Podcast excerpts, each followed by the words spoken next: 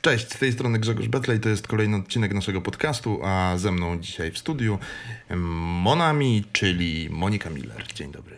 Dzień dobry, cześć wszystkim. Wiesz, że straszna, straszna, straszną głupotę powiem na początek, ale zorientowałem się chyba dzisiaj dopiero rano, że Monami to jest Mona Miller. Naprawdę? Tak.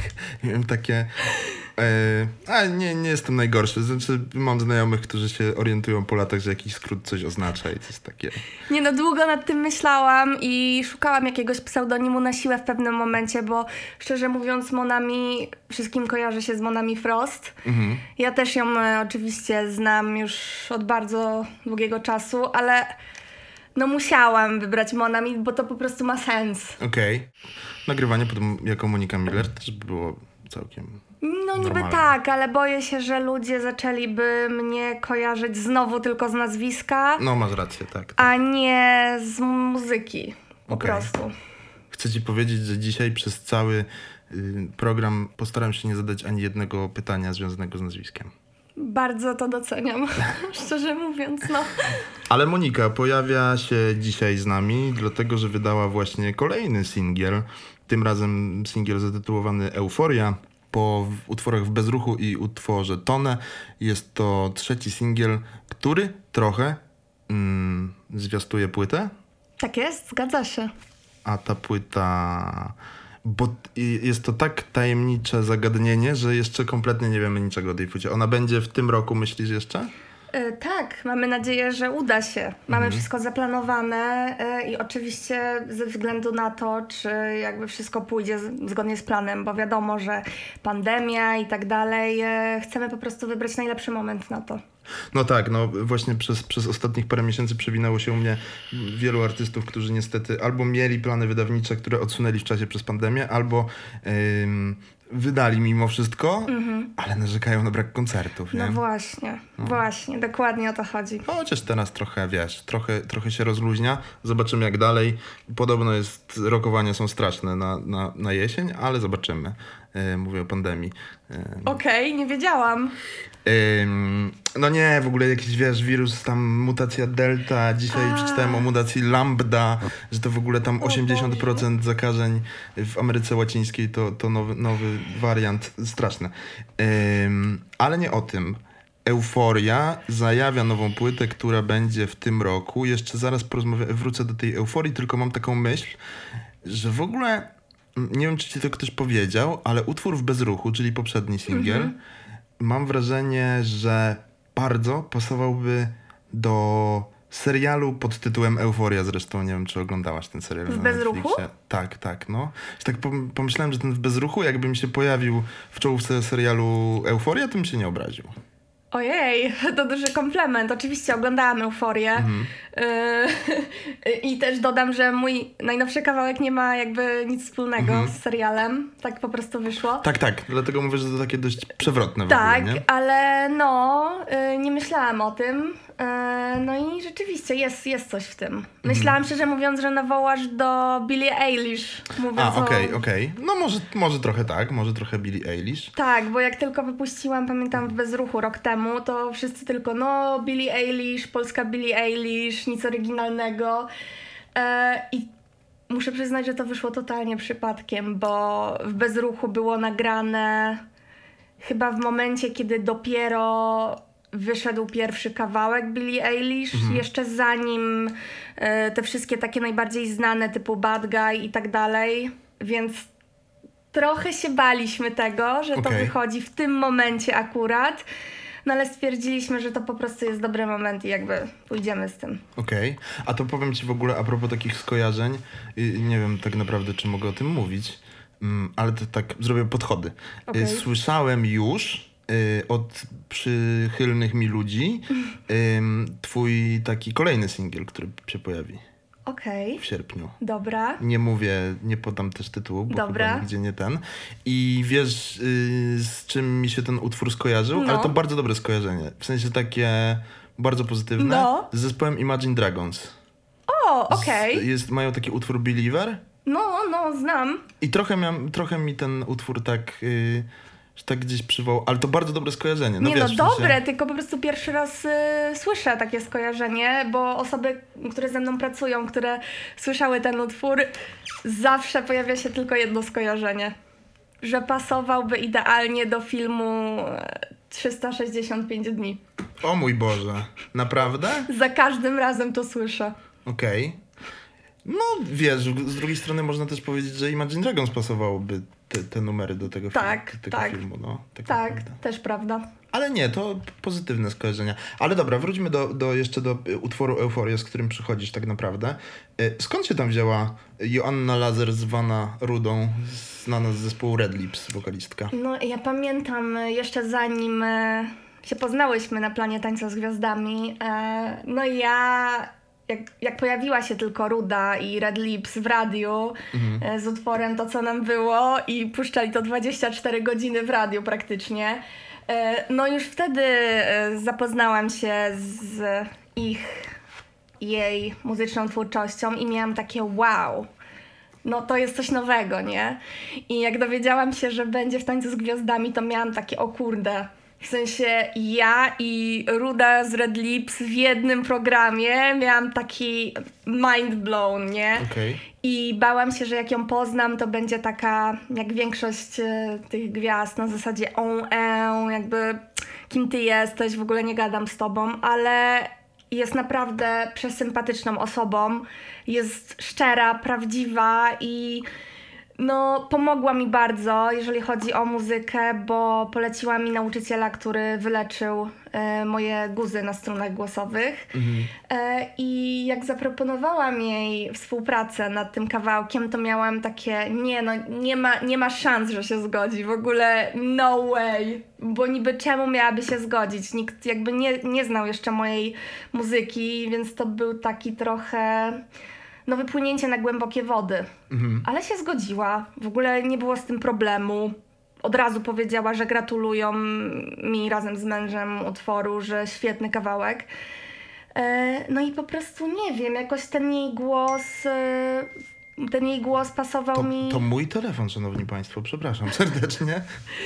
E, Ten jej głos pasował mi po prostu do mnie pod względem bardzo dużego kontrastu i myślałam, że, że tak powinno być po prostu. I szalenie cię przepraszam za to, że przyszedł mi SMS, ale być może przyszedł ważny SMS. Kolejny alert przyszedł a propos tego, co rozmawialiśmy, że będzie dramatyczna burza dzisiaj. Tak, Już też by- dostałam. Już była. Znaczy, może jeszcze będzie, ale.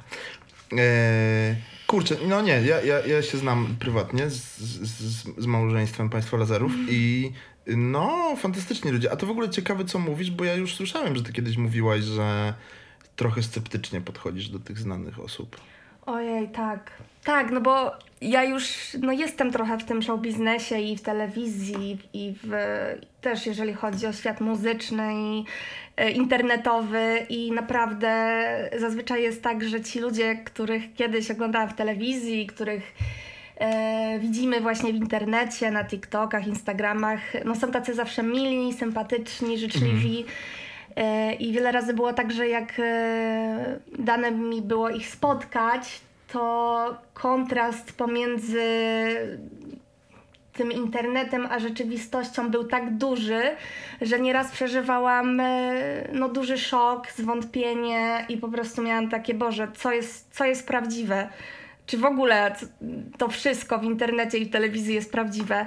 E, no i no, nie będę tutaj mówić, kto, kto jest, a kto nie jest, ale bardzo rzadko do tej pory było mi dane spotkać ludzi, którzy są tacy sami w rzeczywistości, jak i w internecie i w telewizji. Mhm. Trochę wracam jeszcze stricte do tego utworu Euforia, bo ty o nim nawet sobie zapisałem. Y, Ty powiedziałaś o tym utworze, znaczy skomentowałaś utwór Euforia takimi słowami nie pozostawajmy obojętni na krzywdę innych. A śpiewasz też w tym utworze, że ciasno ci w skórze, że myślisz o wojnie i no pewnie, znaczy pewnie, no wiem o tym, że, że ciebie też to spotkało, ale zaplątaliśmy się chyba mocno w tym hejcie, nie? W ostatnim czasie. Tak, e, to jest akurat. e, Nie wiem, czemu tak wyszło. Po prostu jakoś mi się tak ułożyło to w całość pod względem artystycznym i pod względem tego, co ja czuję. E, ale utwór jest trochę o czymś innym, a teledysk opowiada zupełnie inną historię. E, ponieważ sam utwór napisałam o swoim problemie z dwubiegunówką. Mhm. A teledysk opowiada właśnie o tolerancji, miłości i też pokazuje ten kontrast pomiędzy właśnie jakimś tam bajkowym, spokojnym, kolorowym światem, a takim zderzeniem z rzeczywistością, z, no właśnie akurat w tym teledysku z Warszawą e, i, po prostu tym, jak jest naprawdę. Mhm. Kurczę, to w ogóle się też tak złożyło, że mm, ten teledysk akurat wychodzi też w momencie, w którym my jesteśmy w, w tak tuż po Paradzie Równości w, w Tak. Warszawie. W ogóle w Polsce też się odbyły, odbyły marsze, jeszcze nie wszystkie, jeszcze Tak. część przed nami. Mhm. O, odważne pytanie. Ty jesteś optymistką patrząc na ten kraj? Nie. No, Znaczy, staram się być optymistką, jeżeli chodzi o wszystko, co nas otacza, ale prawda jest taka, że żyjąc w tym kraju te 22 lata, em, no. Oczywiście spotyka się mnóstwo życzliwych i dobrych osób, które chcą pomóc i, i są prawdziwi, ale jak do tej pory e, patrząc na ludzi z zewnątrz, totalnie z zewnątrz, spotkałam się z ogromną ilością no, takiej nienawiści, hejtu, em, nawet hamstwa. E, nawet zanim trafiłam do tego światu, świata internetu i, i, i show biznesu i no chcąc nie chcąc e, ten kraj nauczył mnie po prostu tych wszystkich takich e, no, negatywnych e, myśli, skojarzeń z tym krajem i no, z jednej strony chciałabym być optymistką, ale po prostu no, coraz, coraz mniej mi to wychodzi. Kurczę, ale powiem ci, że ja tak mm, mówię teraz bardzo serio, bez, yy, bez cienia kokieterii jakiejś, ale ja szalenie, naprawdę szalenie szanuję to, że jak się przegląda twoje social media, że się głośno wypowiadasz. To jest chyba jeden z najczęściej przewijających się wątków w rozmowach y, u mnie, ze mną, artystów. I jak bardzo nie rozumiem ludzi, którzy mają zasięgi, a się nie wypowiadają, nie? I jak można coś robić dobrego.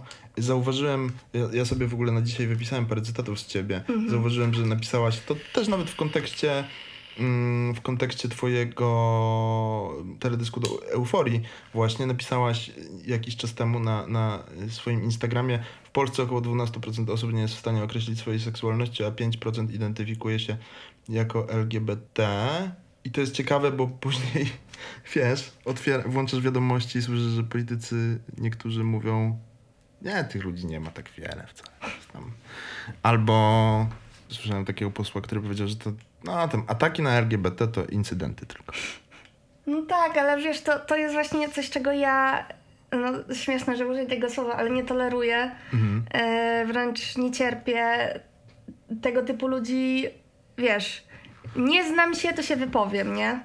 E, pod moimi postami związanymi z LGBT bardzo dużo osób e, ze środowiska no homo, tak, czyli stricte hetero, wypowiada się, e, no nie, wcale nie, ludzie LGBT wcale nie są atakowani, przestańcie wymyślać, przestańcie po prostu e, opowiadać o rzeczach, które nie mają miejsca.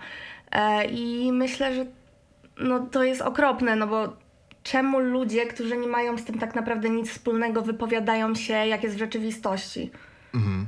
No, to tak samo jest, y, jak na przykład są ludzie, którzy widzą mnie i mówią, dlaczego ty robisz siebie taką ofiarę? Przecież y, ludzie nie czepiają się tatuaży, y, ludzi nie obchodzi twoich nazwisko, ludzi nie obchodzi twój dziadek. I czemu takie osoby się wypowiadają, skoro nie, nie doświadczają tego sami na własnej skórze? Wiesz, ale to ja, ja w ogóle dzisiaj mogę, będę rzucał cytatami, bo wypisałem też cytat jeden nie z ciebie, który za sekundę zacytuję dosłownie. W- Właśnie a propos, znaczy mi się takie rzeczy nie mieszczą w głowie po prostu, że dostajesz informacje, że to mam w pamięci, wiesz, w lutym w- w Warszawie, właściwie całkiem niedaleko mojego domu, dwóch gości szło za rękę podszedł ktoś i jednemu wbił nóż w plecy. W Tak. sensie to jest, wiesz, to, nie, to nawet nie jest już powiedzenie czegoś, tylko wbicie noża w plecy. Tak. A i jeszcze w Gdańsku, chyba w marcu, sytuacja, w której ym, po prostu jak, jakiś tam, jakąś jogę na świeżym powietrzu uprawiały osoby, które miały tęczową flagę. 30 gości wbiega do parku Reg- Regana w Gdańsku i, i, i- i bije, bije te osoby po prostu czym popadnie. I teraz ja sobie wypisałem, jakie jest niezrozumienie tego tematu. Witold Waszczykowski, były minister, mm, genialny po prostu, teraz europoseł, porównuje sytuację i mówi w Radiu Z, jeśli w Łodzi chłopak z szalikiem Widzewa pojedzie na Polesie, który jest bastionem zwolenników ŁKS, też może mu się stać krzywda. Myślę, że porównywanie tych dwóch rzeczy jest trochę nie na miejscu, ponieważ no po pierwsze, z tego co mówiłam, to, że ludzie w Polsce nauczyli mnie, e, wywołali u mnie taką wrodzoną nienawiść, z którą staram się walczyć. E, oczywiście słyszymy o takich przypadkach, że tam kibice się biją i tak dalej, że, że piłka nożna, załóżmy, jest dla nich bardzo ważna, e, ale tutaj jest tak naprawdę to jest jakby ich sprawa, tak? Ponieważ możemy powiedzieć, że równie dobrze ten chłopak z szalikiem, o którym wspomniałeś, zobaczyłby inną osobę, która kibicuje innej drużynie. I równie dobrze ta osoba mogłaby yy, go, ją zaatakować. Jeżeli chodzi o LGBT, no jak do tej pory, przynajmniej teraz, nie przypominam sobie takiej sytuacji, gdzie 30 osób ze środowiska LGBT wpadło do parku i pobiło grupę osób hetero, bo, bo tak, taki mieli po Bo prostu. byli. Tak, bo byli. To jest trochę inna sytuacja. A czy ty masz w sobie, całkiem serio, czy ty masz w sobie takie myślenie, że gdzieś tobie nie chodzi tylko o muzykę, tylko żeby przez tę muzykę też promować, nie wiem, dobre wartości w znaczeniu tolerancji, właśnie otwartość i tak dalej? Jeżeli chodzi y, o akurat euforię, to tak, jak najbardziej. Y, jeżeli chodzi o moją płytę, tą pierwszą, mm, na której właśnie jest euforia w bezruchu i tonę, e, głównie nagrałam kawałki, które wiążą się mocno z tematyką e, osób, które borykają się z problemami psychicznymi psychicznej natury głównie.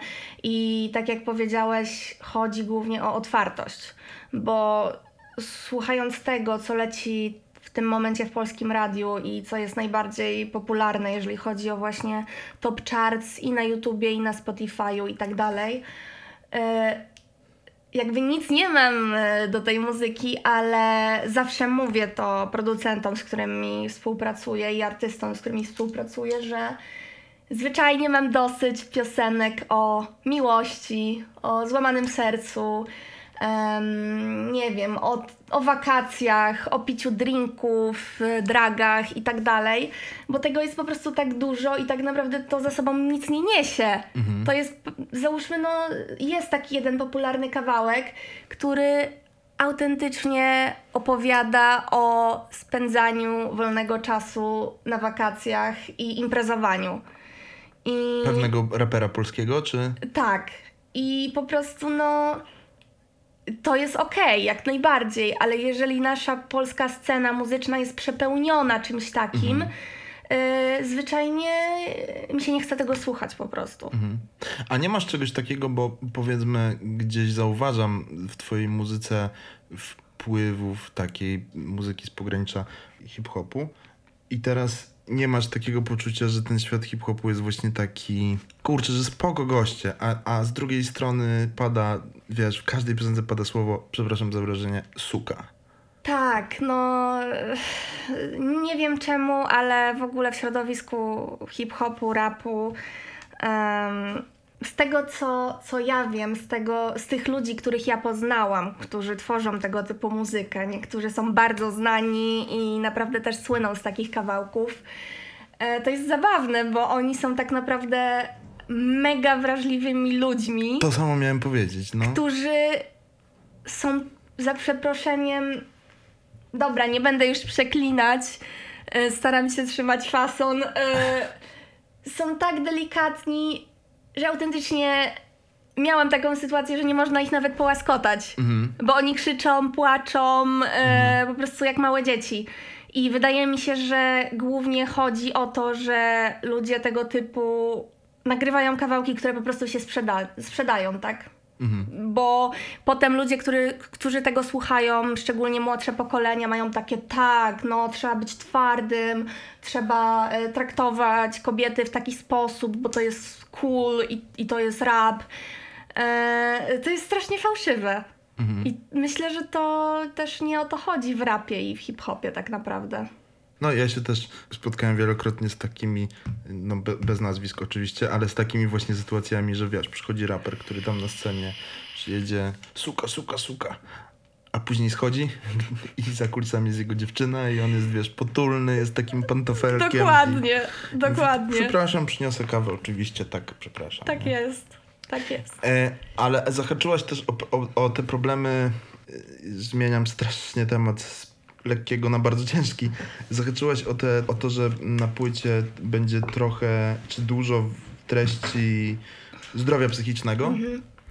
Też się w gruncie rzeczy w jakiś sposób łączy z tym wątkiem LGBT, o którym rozmawialiśmy, bo wiesz, że 70% podobno młodzieży LGBT w Polsce ma myśli samobójcze, co jest i masz tych przykładów, wiesz, od, od jakiej, jakiejś tam transpłciowej Milo, po wszystkich, Tak. wszystkich Ka- Kacpra, Dominika i tych wszystkich, wszystkie dzieci, które popełniły samobójstwa, jest absolutnie, absolutnie wstrząsające. I tak zastanawiam się, jeszcze może trochę zostając przy dzieciach przez sekundę, czy nastolatkach, bo jest tak generalnie, że dzieci do pewnego wieku nie widzą różnic, nie? W sensie dzie- dzieci, małe dzieci potrafią się bawić z dziećmi o innym kolorze skóry, o, nie wiem, z niepełnosprawnością na przykład i w ogóle tych, nie widzą tych różnic. I to się zaczyna później tak naprawdę, to znaczy to dorośli, my, a może niekoniecznie my, tylko bardziej ludzie, którzy mają dzieci, dają złe wzorce, to ci rodzice, wiesz, wpychają y, dzieciom, że coś jest nie tak z inną osobą o innym kolorze skóry, czy... Oczywiście e, według w ogóle psychologii, badań kognitywnych i tak dalej, zawsze to jest e, natura kontra wychowanie. To nigdy nie jest tak, że ktoś się rodzi e, rasistą i tak dalej. E, niestety, jeżeli chodzi o nasz kraj, e, te wszystkie wartości są bardzo mocno wpychane od jak najmłodszego wieku. E, I to jest coś, co mnie chyba najbardziej martwi z tego wszystkiego. Mhm. No tak, tylko jak zostajemy przy tym, że ty mówisz, że nasz kraj cię wpędza w jakieś takie poczucie, że trzeba nienawidzić, czy, czy, czy się trzeba poróżniać, no to z drugiej strony, jak mówimy o edukacji, to mamy, wiesz, no, ministra edukacji, który mówi, że dziewczynki są grube na przykład, nie? A zauważ, no, nie wiem, czy słyszałaś, że w Walii, i nie chcę pomylić, ale wydaje mi się, że, że w mieście Bangor pierwsza osoba niebinarna, tak oficjalnie pierwsza osoba niebinarna na świecie została burmistrzem miasta. No tak, oczywiście. No, tu, tutaj chodzi o nie tylko kulturę, o poglądy, wychowanie. Myślę, że każdy kraj ma jakieś takie swoje typowe myślenie na temat wychowania, tolerancji i kultury. Więc jak najbardziej mnie to nie dziwi. Na przykład ja jestem przyzwyczajona tutaj do kompletnego braku tolerancji. Nawet jak ktoś nie wie, nie rozpoznaje mnie, to zawsze się do czegoś przyczepi, czy to tam do dreadów, czy do makijażu, czy do ubrań, czy do tatuażów.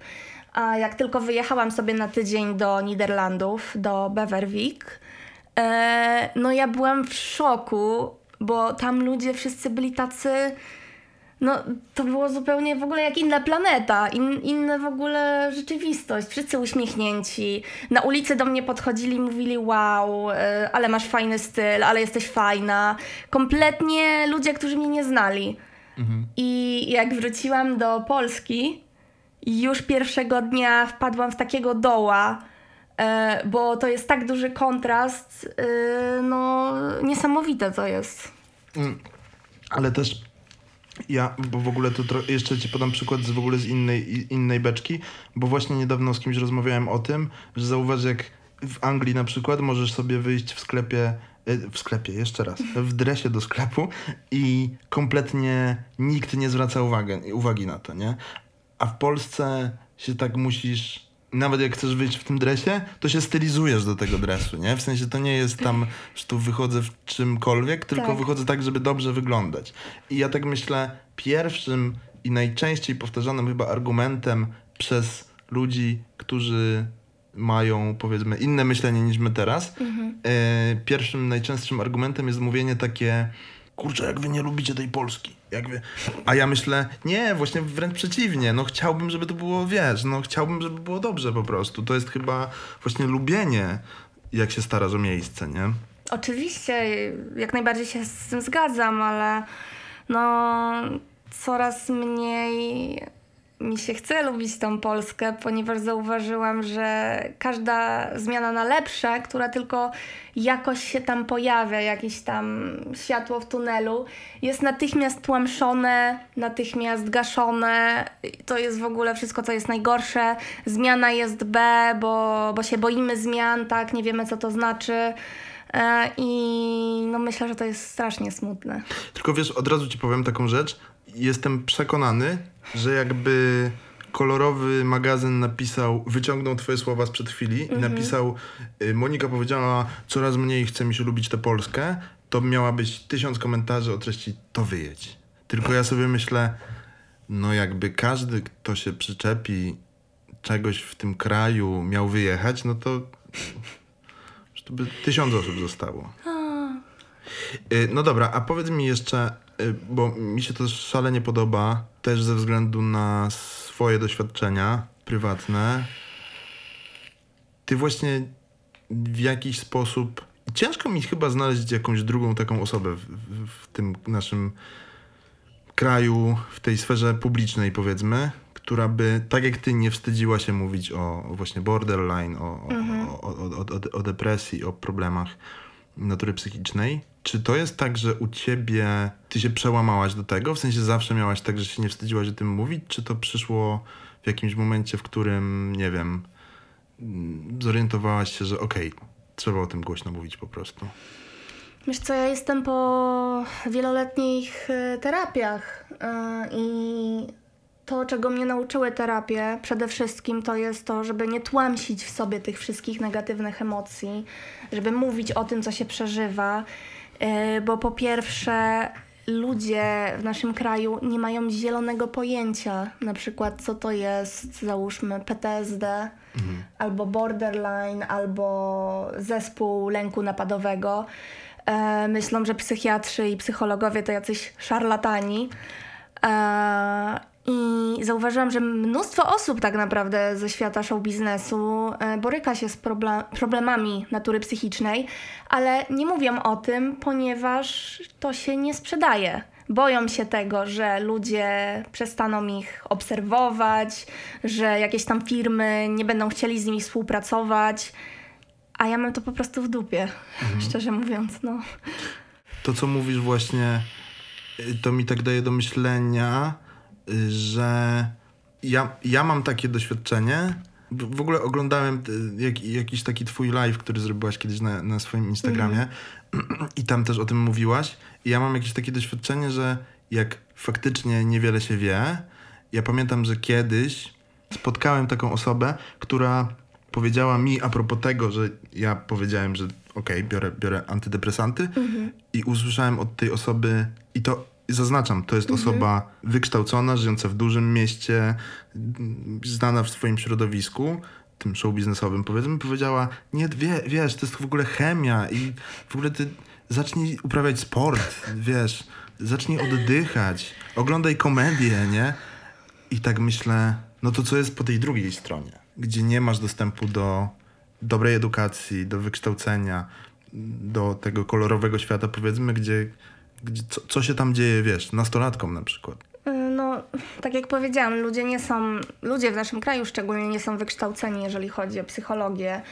E, Ja miałam o tyle szczęście, że już e, na swoim programie maturalnym e, miałam, zdawałam psychologię na rozszerzonym poziomie.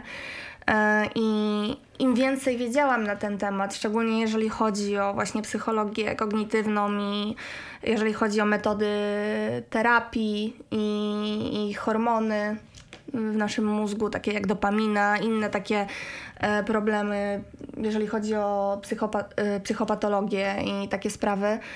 No, nie dziwię się, że nawet osoby wykształcone, posiadające dużą wiedzę na inne tematy, e, nie mają zielonego pojęcia, o czym mówią, bo ja gdybym nie weszła w ten świat psychologii, nadal jestem na studiach, jeżeli chodzi o psychologię, e, sama bym nie uwierzyła w te wszystkie leki, w to, że w ogóle e, depresji nie da się leczyć sportem i komediami. E, no tutaj już chodzi o budowę mózgu, o hormony. To jest tak, jakby ktoś powiedział o sobie z cukrzycą na zasadzie e, nie, no tam jakby jedz co chcesz, w sensie y, y, to wszystko to jest chemia przecież i, i te wszystkie przyrządy do wytwarzania insuliny, wypuszczania tego, przecież y, po co to komu, tak? Jakby to tylko cukier. No to, jest, to jest to samo. No tak, ale. Przepraszam. Ale. ym, ja mam takie też wrażenie. O, inaczej, podam ci taki przykład. Jak się mówi o stresie pourazowym, no to ludzie to kojarzą. No okej, jest, ale to wiesz, to no nie, no ale to musisz mieć. To musisz być żołnierzem, który wrócił z Iraku, żeby mieć stres pourazowy, nie? I komuś się nie mieści w głowie, że możesz mieć kolorowe życie, w miarę udane, możesz właśnie nie wiem, na twoim czy swoim przykładzie, że, że, że możesz sobie właśnie prowadzić program, czy, czy, czy nagrywać coś, czy, czy mieć kasę, żeby pojechać na wakacje, a jednocześnie możesz w tym wszystkim mówić atak paniki, nie? I ktoś mówi atak paniki, w dupę cię kopnę będziesz miał atak paniki.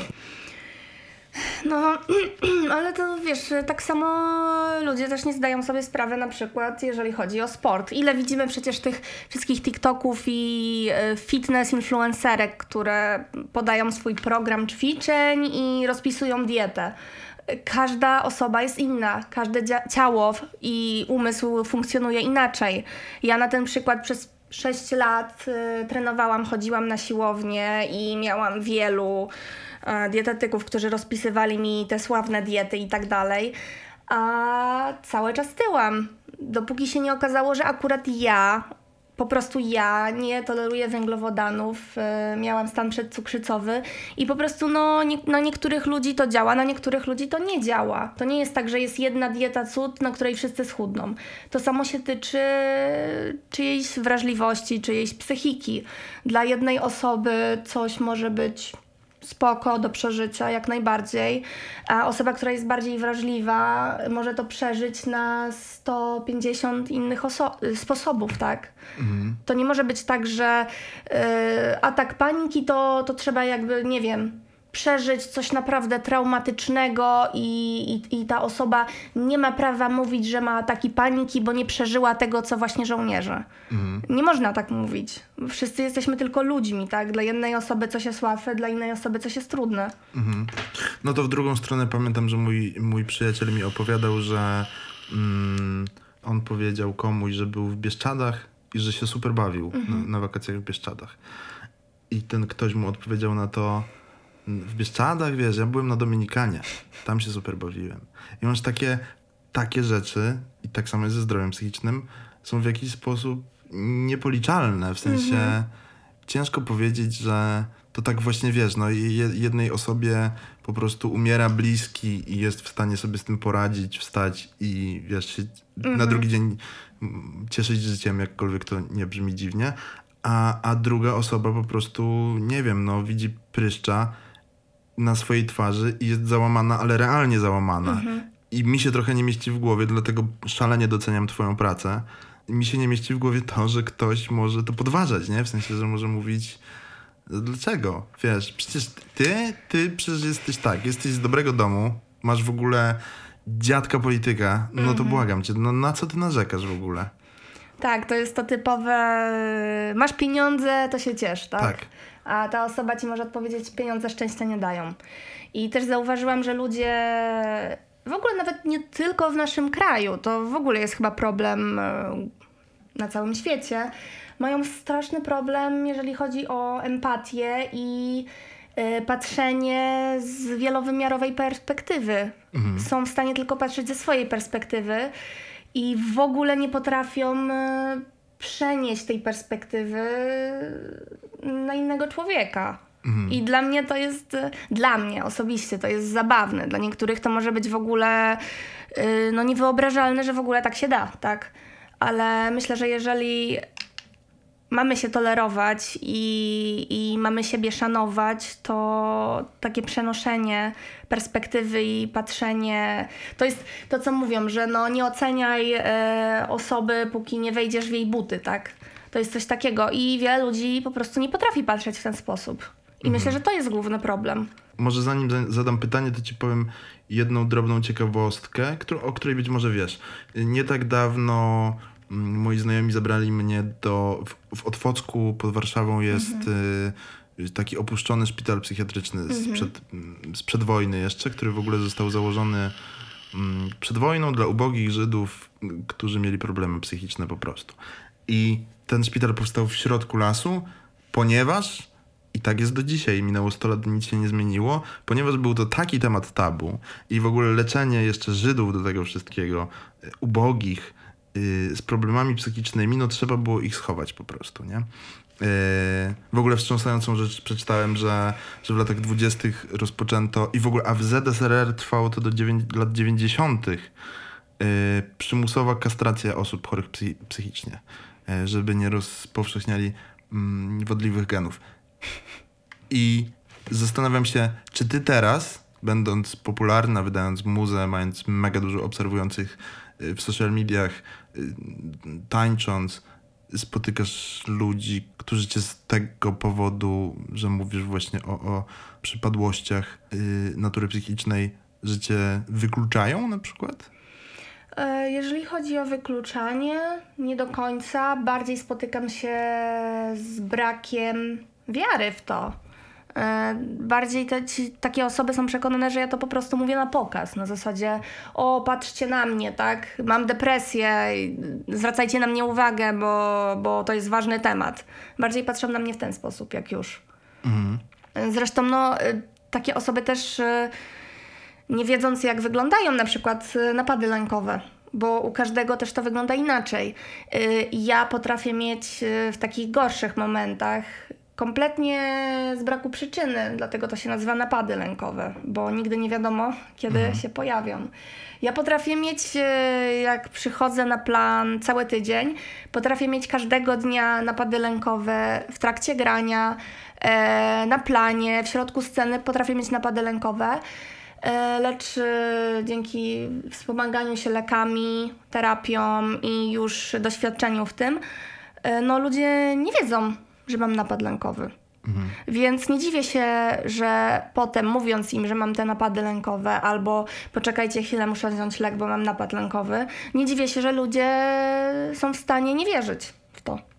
No tak, tylko i tu właśnie wciąż mówimy o tej tak naprawdę braku edukacji chyba. Wiesz, no ja podaję to dla przeciwwagi, żeby nikt nie powiedział, że się lansujesz, ale jak ja miewałem, odpukać nie mam od jakiegoś czasu dłuższego już, napady lękowe, to potrafiłem stać ludźmi, z ludźmi i się śmiać i za trzy minuty wyjść za róg na papierosa i się trząść ze strachu po prostu, nie? tak.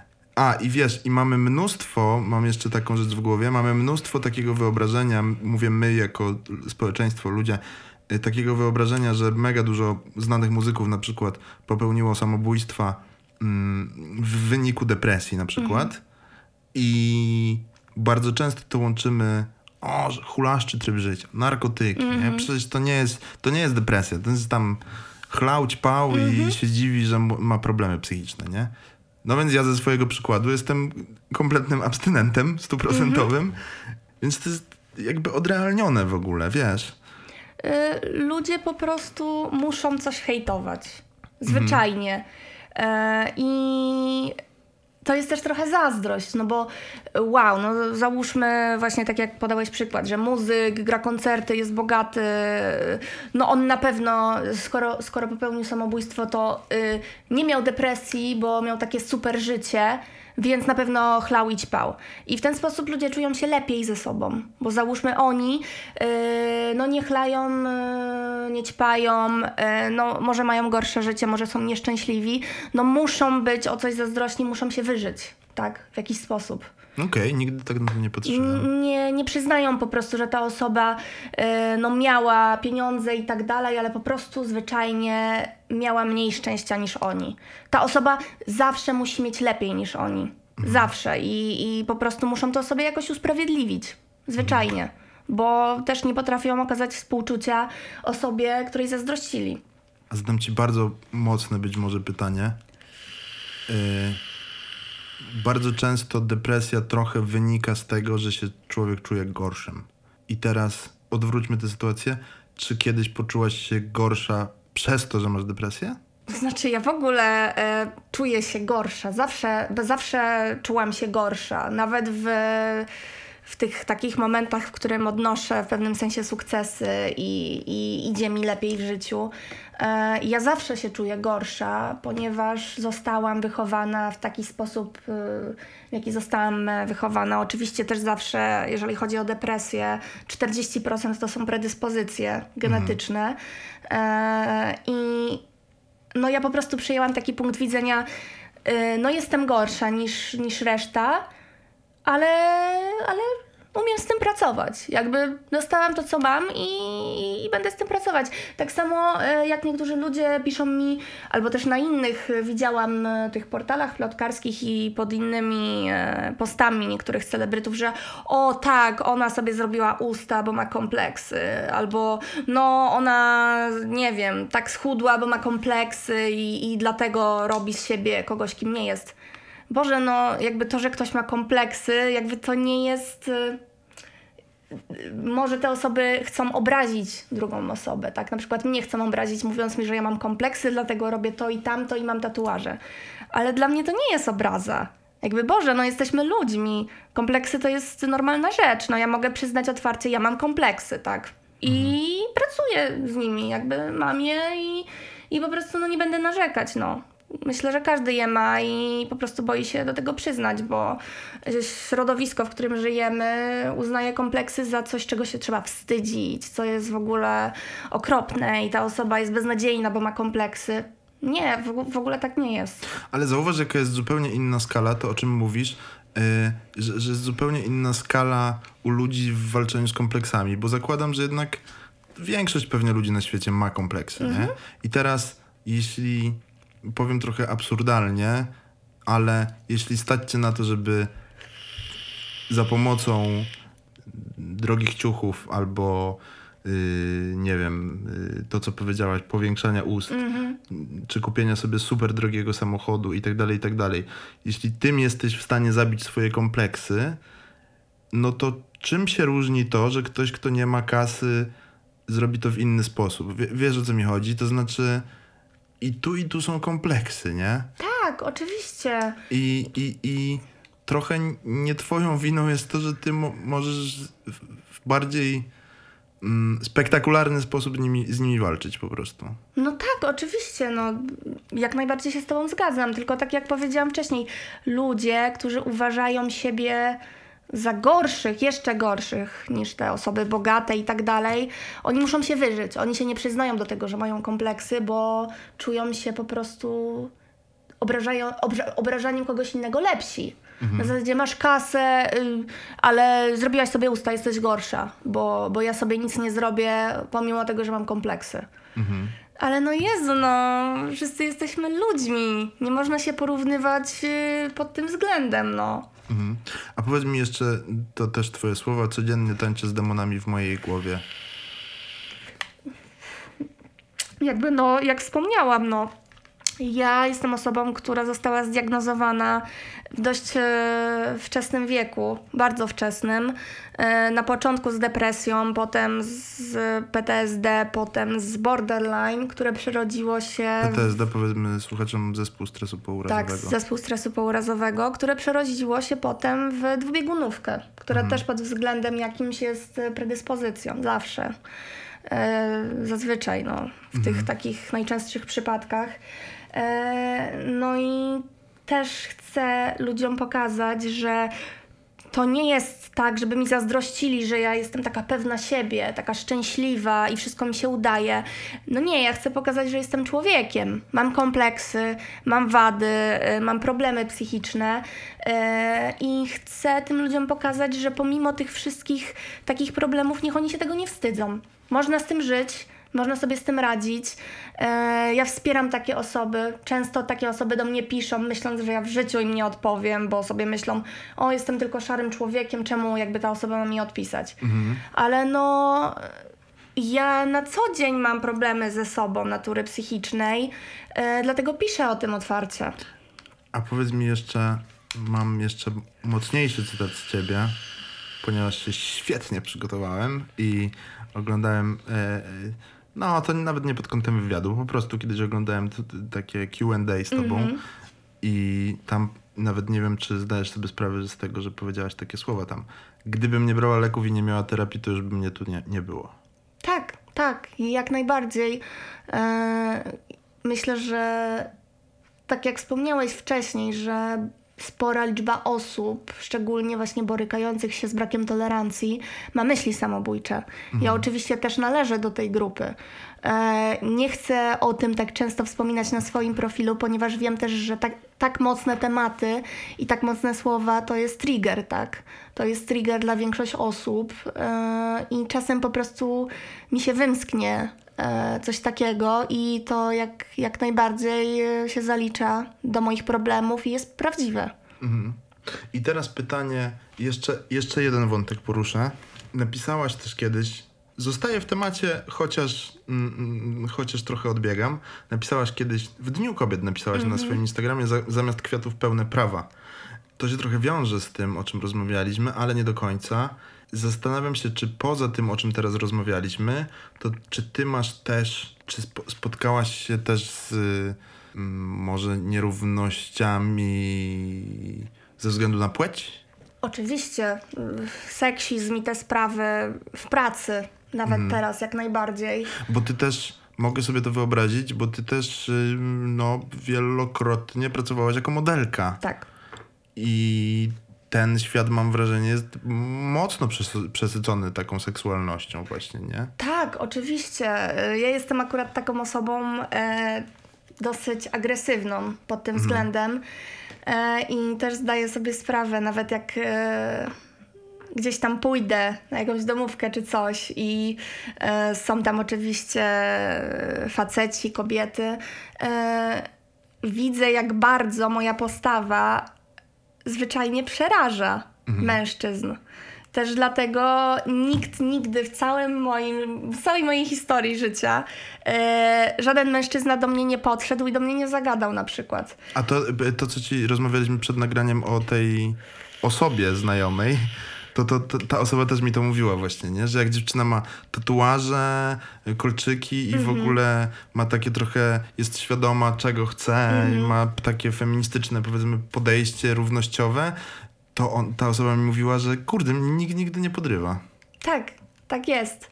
To No. dokładnie. Większość e, dziewczyn myśli sobie, że wtedy są brzydkie, że są gorsze, że są nieatrakcyjne. Wcale tak nie jest. Im bardziej kobieta jest pewna siebie, im bardziej jest, e, załóżmy tam, wystrojona i, i postawa nawet ciała pokazuje tą pewność siebie, mężczyźni po prostu się tego boją, bo wiedzą, że jeden zły ruch i koniec, tak? Są skreśleni. Albo nie daj Boże, ta dziewczyna wyleje na nich drinka, albo nawet da im w twarz. To też się zdarzało. I Mo, może to jest w ogóle nie, nie powinniśmy o tym rozmawiać, ale trochę pytanie, y, jaką frajdę sprawia komuś coś, przepraszam za brzyd, brzydkie takie powiedzenie, y, że- jaką sprawia frajdę komuś zdobywanie tego, co chce bez większych kłopotów, wiesz? Dokładnie. To już, Ale tutaj chodzi, myślę, bardziej o ego, wiesz? Nie o, nie o frajdę. no tak, no tak. No. Bo też ja spotkałam takie osoby dosyć sławne nawet, które e, miał, z którymi się spotykałam, które miały tak duże ego, e, że nawet jak powiedziałam coś po prostu szczerego, ale co nie było na zasadzie uwielbieniem albo mm, jakimś tam komplementem, to ci faceci po prostu yy, no, no prawie, prawie płakali. Nieraz tak było. E, I to jest dla mnie. No ja o tym zapominam. Że, że, że niektórzy mają aż takie ego, szczególnie jeżeli chodzi o męskie środowisko. Szczególnie jeżeli chodzi o osoby, y, które są sławne, może nawet sławniejsze ode mnie. E, I no myślę, że to jest smutne pod pewnym względem. Współczuję. I teraz w ogóle czytałem taką rzecz, że y, Główny Urząd Statystyczny podał, że między kobietami a mężczyznami jest taka luka 20% mm, przepaści w zarobkach. Tak. nie? I że w ogóle naukowcy wyliczyli, uważaj teraz, nie wiem czy to wiesz, że wyliczyli, że mm, równość praw kobiet i mężczyzn, y, ale nie tylko w zarobkach, tylko w ogóle w każdej dziedzinie życia, w Polsce będzie za 107 lat. I teraz ty jesteś pewna siebie, jesteś, żyjesz w dużym mieście, jesteś wykształcona, utalentowana i jeszcze masz, wiesz, dziadka byłego premiera, nie?